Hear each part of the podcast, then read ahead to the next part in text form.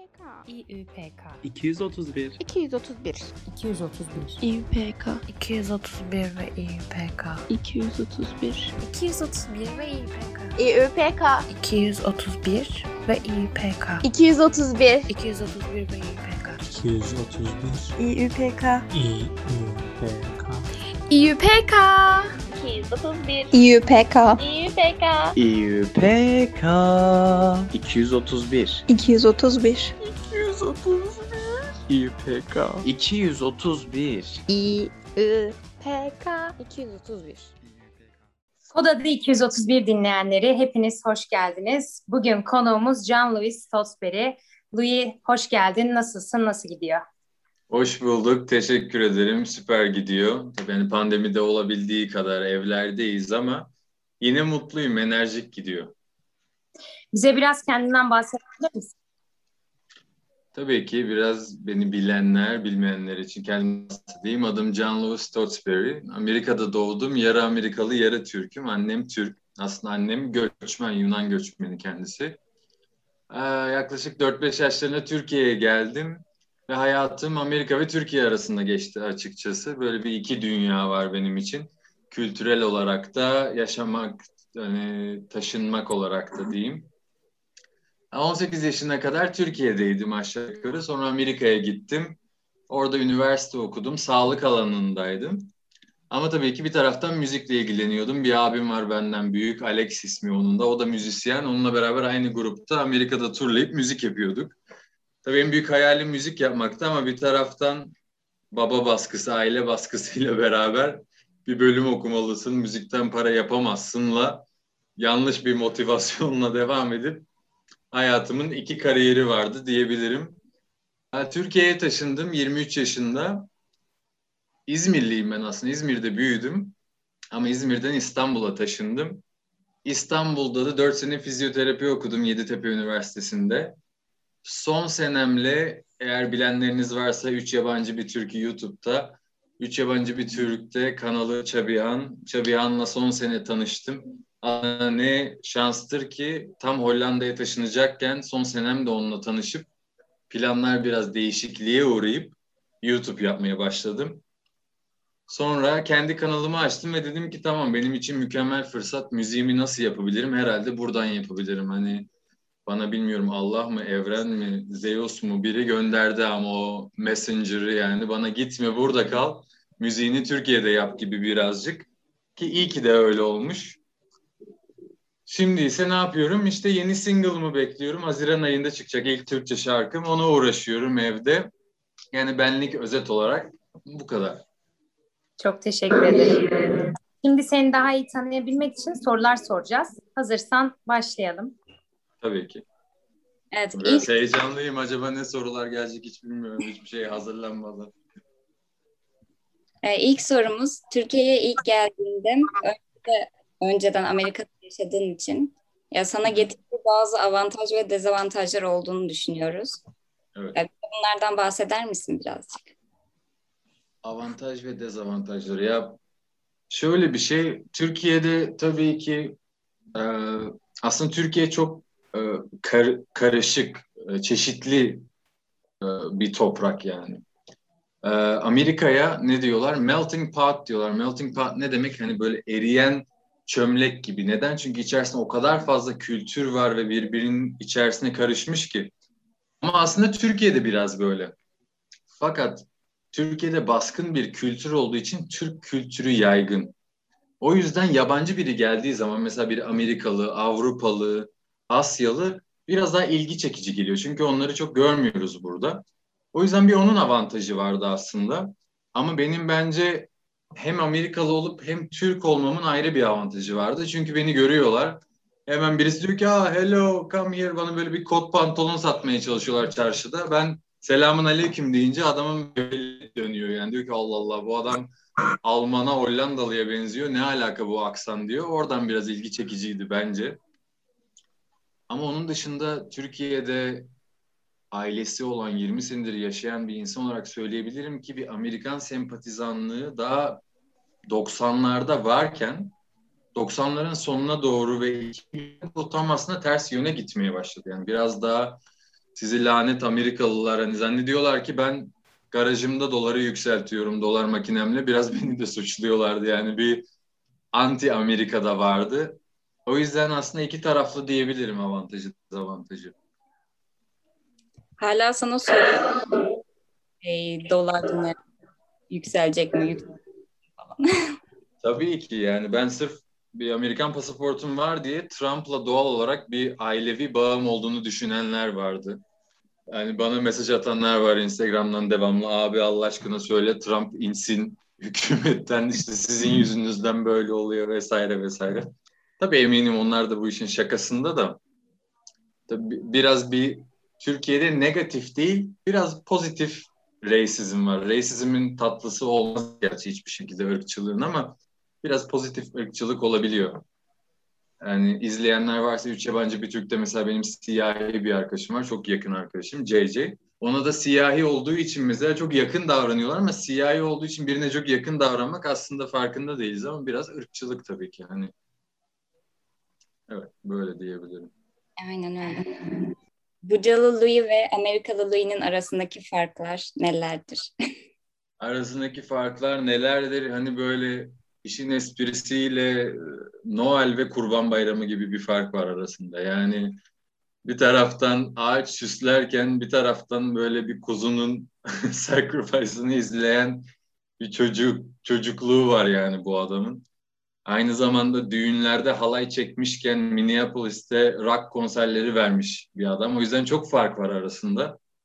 Ee, böyle üçüncü kişi olarak konuşmayı bırakayım da yani kafam karışık açıkçası iki kültürün arasında olmak. Ama beni ben yapan bir şey diyebilirim. Yani ben Türk'üm veya Amerikalıyım diyemem. Çünkü gerçekten çok güçlü bir İrlandalı ve bir Amerikalı kültürü varken bir taraftan da böyle bir Girit Türk Türk arkadaşlarım hani bunun ikisinde büyüdüğüm için fark değil de bir beraberlik var arasında diyebilirim. Teşekkür ederiz. Evet, Teşekkür ederim. Ben sıradaki soruya geçiyorum. YouTube için yeni içerik fikirlerin var mı? Böyle internette okuduğumuz zaman insanların senden komedi içerikleri beklediğini gördük. Ee, seni böyle Hı. komedi içeriğin içinde görür müyüz? Ne dersin? Ya açıkçası e, şimdi ben çok komik olduğumu düşünmüyorum yani. Bunu da canlı olarak da gördüm daha önce. Hiç kimsenin bana gülmemesiyle. Ama e, tabii ben kendi kendime eğleniyorum. Eğlendiğim içerikler yapıyorum. Ama belki cross içeriklerde mesela böyle sketch tarzı başka bir şey tarzı birini guest hani şey misafir olarak gidebilirim. Ama ben daha çok müzik ağırlıklı yapmak benim videolarımda da aslında insanlar gülse de bence her şeyin içerisinde biraz mizah olmalı diye ben mizah ekliyorum ama tabii akabinde insanlar detayına bakmıyor ama benim videolarımdaki her çalan müziğin soundtrack'ini kendim yazıyorum. Mesela onların basını, davulunu, vokallerini her şeyi kendim yapıyorum. Esas yapmak istediğim o yani işim o onu ona yoğunlaşmak istiyorum. Ama tabii hemen gözümüze hazır gözüken aa Louis geyik yapıyor kısmından onlar da onu bekliyor ya da hadi bir markayı İngilizce oku bekliyorlar ama tabii bu çok limited bir şey yani bunu iki kere üç kere yaparsın hani bunun çok da kreatif bir tarafı olduğunu düşünmüyorum ondan maksimum bir başkasıyla beraber belki komik bir içerik yapabilirim ama benim tarafımdan daha çok müzik gelecek artık. Teşekkürler. Devam edeyim. Sana YouTube dışında talk show'unu yapabilme fırsatı verdiler. Herkesin e, yaptığından farklı olabilmesi için bugüne kadar kimsenin aklına gelmeyen ne tür numaralar çekerdin? Her şeye hakkın var. Ne yapardın? Talk show'da farklı olması için mi? Evet. Hmm, bir düşüneyim. Aslında farklı bilmiyorum. İnsanları performans üzerine birazcık insanları zan altında bırakabilirdim. Yani insanları Saturday Night Live var. Belki biliyorsunuzdur. SNL diyorlar. Hani insanlara sketch yaptırıyorlar mesela ama onları önceden hazırlıyorlar bile. Onu severdim Amerika'da.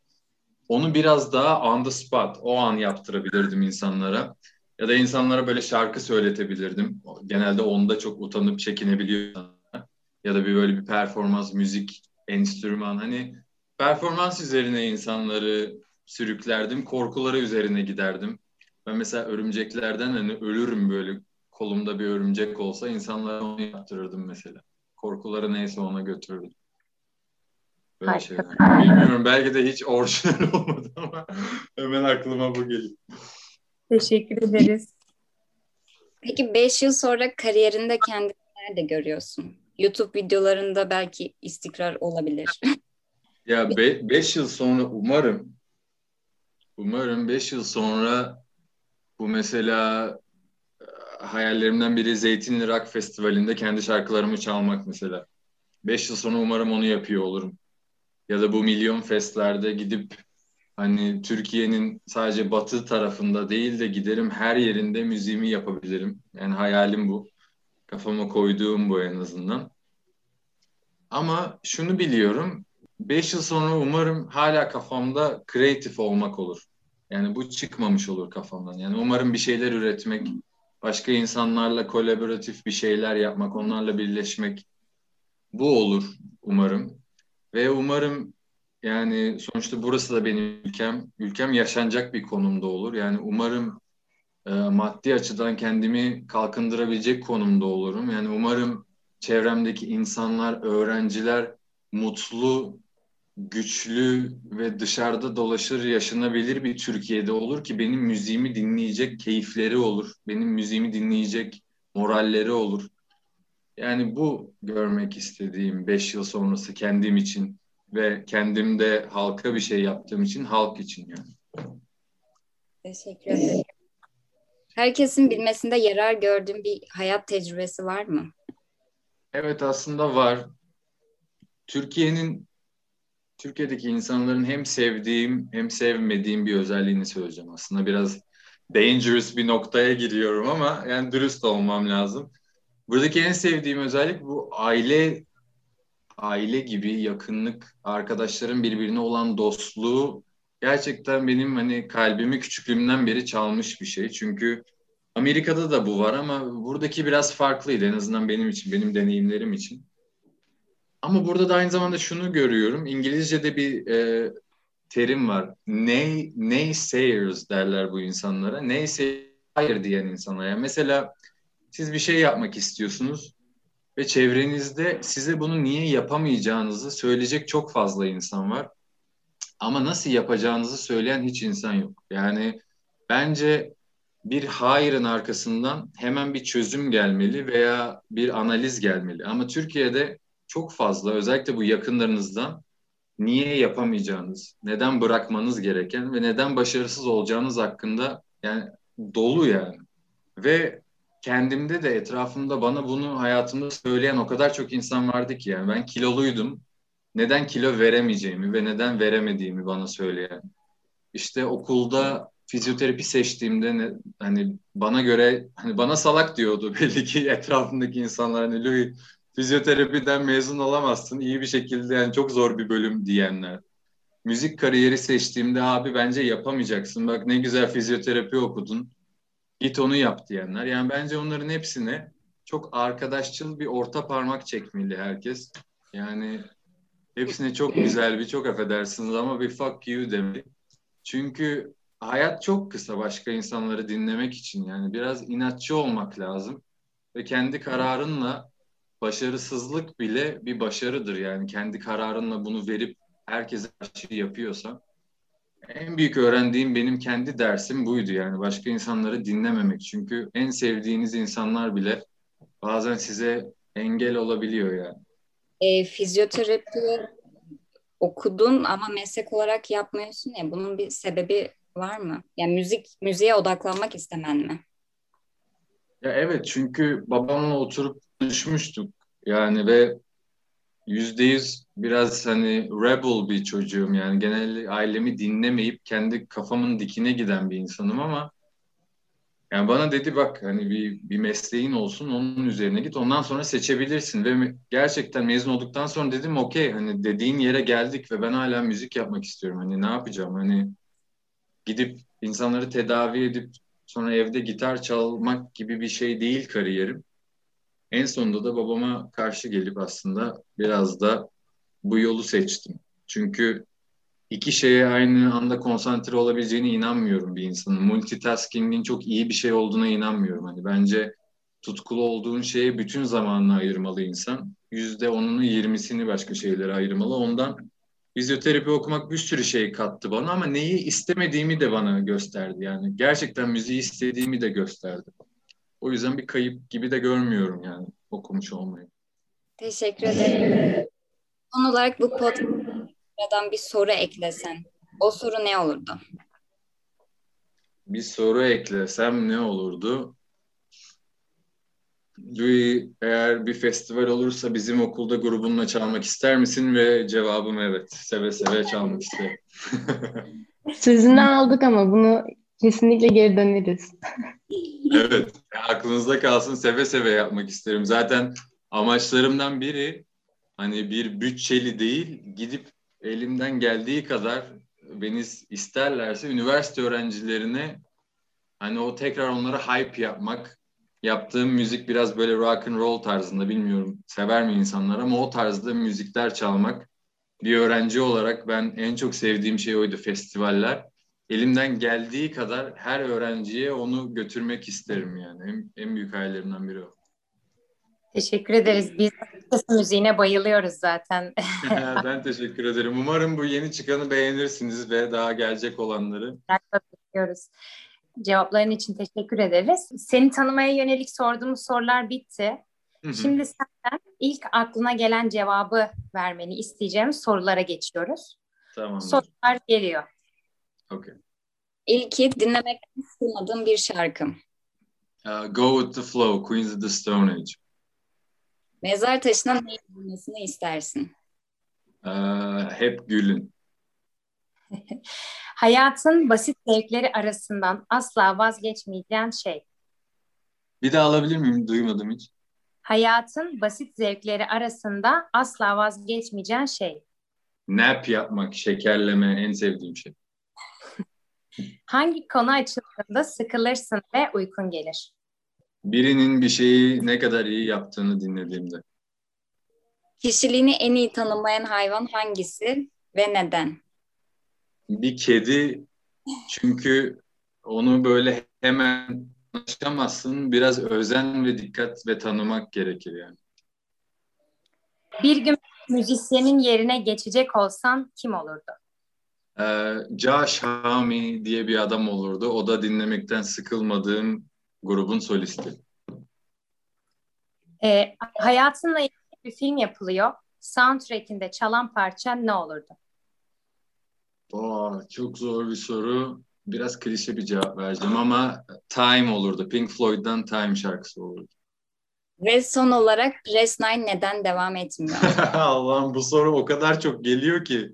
Hani çok teşekkür ederim herkese beğendiği için ve bana geri dönüş yaptığı için ama seve seve yapsam bile bazı şeyleri geride bırakmam lazım ki yeni yollara devam edeyim. Ama söz hayatımın bir yerinde gelirse beni bu kadar destekleyen insanların hatırına bir Press 9 bölümü yapacağım tekrar. Süper olur. Teşekkür ederim. Ben teşekkür Ee, ederim. Şimdi eğlenceli bir oyuna geçiyoruz. Bu tarz bir oyunu 3Y1T'de e, gördük ve izlerken çok eğlenmiştik. Allah, orada hangisi sen başarılı. Şimdi aynı performansı görebilecek miyiz merakla bekliyoruz.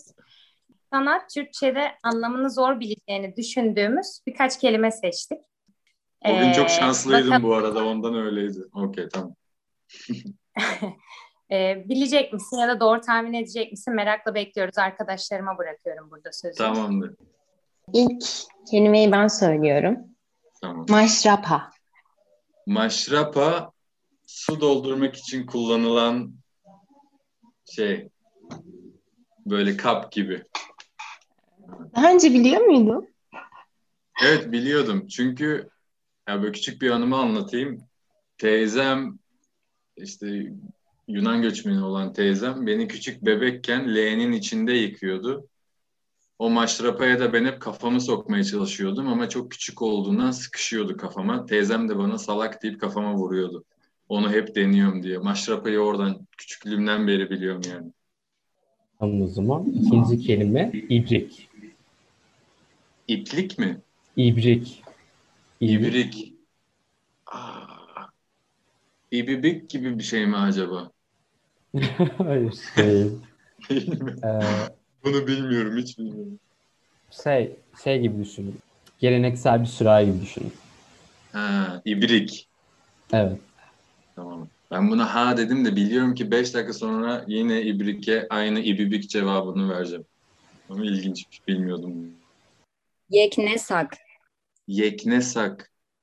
Hiç o kadar uzak ki tahmin bile edemiyorum. Bu bir yemek mi? Söyleyeyim. ne demek bilmiyorum. Evet. E, tek düze demekmiş. Yani bir cümle var istersen onu okuyayım anlamamız için. Tamam. Belki de dünyanın hayatı bizimkinden daha monoton, daha yeknesak ve daha tekrarlıdır. Hmm, tek düzeyi biliyorum. Tamam. Onun eş anlamlısı. Aynen. Ye- yeknesak. Okey. Sıradaki mübalağa. Yemek olabilirmiş gerçekten ya. mübalağa, mübalağa, mübalağa biliyor olmam lazım ya. Mübalağa etmek. Hani hmm, Allah'ım nasıl kıçımdan sallayacağım şimdi bu kadar hype yapıp biliyorum. mübalağa abartmak mı mübalağa? Evet evet. Abartma. Evet. İnanın şansına denk geldi biliyor musunuz? Kafamdan eliyordum hangisi olabilir. Bende sıra hemen söyleyeyim. Pisişik. Pisişik, doğaüstü Evet. gibi Yani mi? e, ruhsal e, yine doğa. Pisişik güçler gibi. Evet evet doğru. Kırlent. Krilent mi? Evet. Bunu bana bilerek sordunuz değil mi? Çünkü ben bunu yanlış cevap vermiştim. Evet. Öğrendim. Krilent o yastıkmış. Koltuktaki yastığa krilent denilmiş. Ama bana böyle perde sapı gibi bir şey gibi geldi. Krilent bence yanlış bir kelime bile onu. Ama o koltuk yastığı değil mi? Evet. Evet böyle küçük ve sert olur püsküllü. Çok itici. Bana annem onu duyduğunda dedi ki sen ne kadar dedi aptal bir çocuksun onu nasıl bilemezsin Krilent'in yastık olduğunu. Okay. Bu ses kaydını bu podcast dinlediğinde annen o zaman sevinecek. Böylece. evet evet. Muhtemelen içeride duyuyor beni şimdi. İyi öğrendin diyebilirim. Ee, son kelimeyi söylüyorum. Bilakis. Bilakis Aa, bunu biliyorum ben. Ama bunu eş anlamı nasıl anlatabilirim? Bil, bilakis kişisel olarak mı demek? Hani bilakis ne demek? Hani Yani Bunu- ne acaba bu? Bunu mesela o olayı bilakis ben yapacağım demek hani özellikle ben yapacağım gibi mi? Şahs demek. Bila okey. Tamam ben hiç bilmiyorum o zaman bilakis. Ne demek? Tam tersine hani tersine olarak cümlede hatta kullanayım. Ee, kendisinin çok iyi olduğunu söyledi ama bilakis çok kötüydü. Ha tam tersine demek. Hı hı. Ha okey. Yani tamamıyla yanlışmış benim söylediğim. Benzi, benzeyen bir kelimeye benziyor açıkçası. Aynen. Ee, bu buradaki birkaç kelimeyi 3Y1T videosundan seçtik aslında. Sen de tahmin Öyle mi? Ee, çünkü orada da bilemediğin 2-3 kelime olmuştu sadece. Hı hı. Diğerlerini biliyordum tabii. Bir tek bir tek Krilent'i öğrendim herhalde. O kadar zamanda. Ee, bütün cevapların için ben teşekkür ederim. Ben teşekkür ederim. Ben de çok teşekkür ederim bütün arkadaşlarım adına. İyi ki geldin. Çok eğlenceli bir podcast oldu. Umarım Çok sağ olun. Beni davet ettiğiniz için çok teşekkür ederim. Zamanınız için ben de çok keyif aldım. Aynı zamanda size bir mesaj gönderip sizden de mini bir konser sözü aldığım için teşekkür ederim. Dolaylı yoldan komşum sen anla gibi yapmış oldum ama hiç de pişman değilim. Bize veda ederken bir şarkı söylemeye ya da bir şeyler çalmaya ne dersin? Tabii çalabilirim eğer tabii beni düzgün duyarsanız. Olur. Okey. O zaman bana hemen iki dakika verin gitarımı alayım geleyim. Tamamdır. Play. Okey. Ben size ses denemesi yapayım bakalım. Beni duyabiliyor musunuz? Güzel geliyor. Tamam size çok küçük bir kısmını yeni bir şarkımdan çalacağım olur mu? Olur, evet. Devirmeyeyim lütfen. Ah.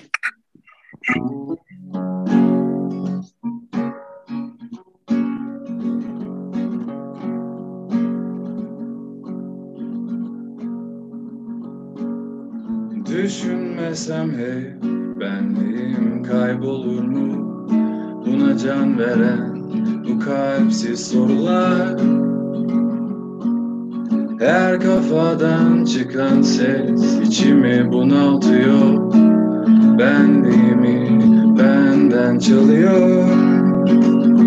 Yeryüzü kaybolur ve kendimden çok uzaktayım Seslerim hapsolur Ben hey hayata geç kaldım Düşüncelerde durup geri saydım Geri saydım. Ben hey Hayata geç kaldım Düşüncelerde durup geri saydım Çok teşekkürler tekrar. Ben teşekkür ederim.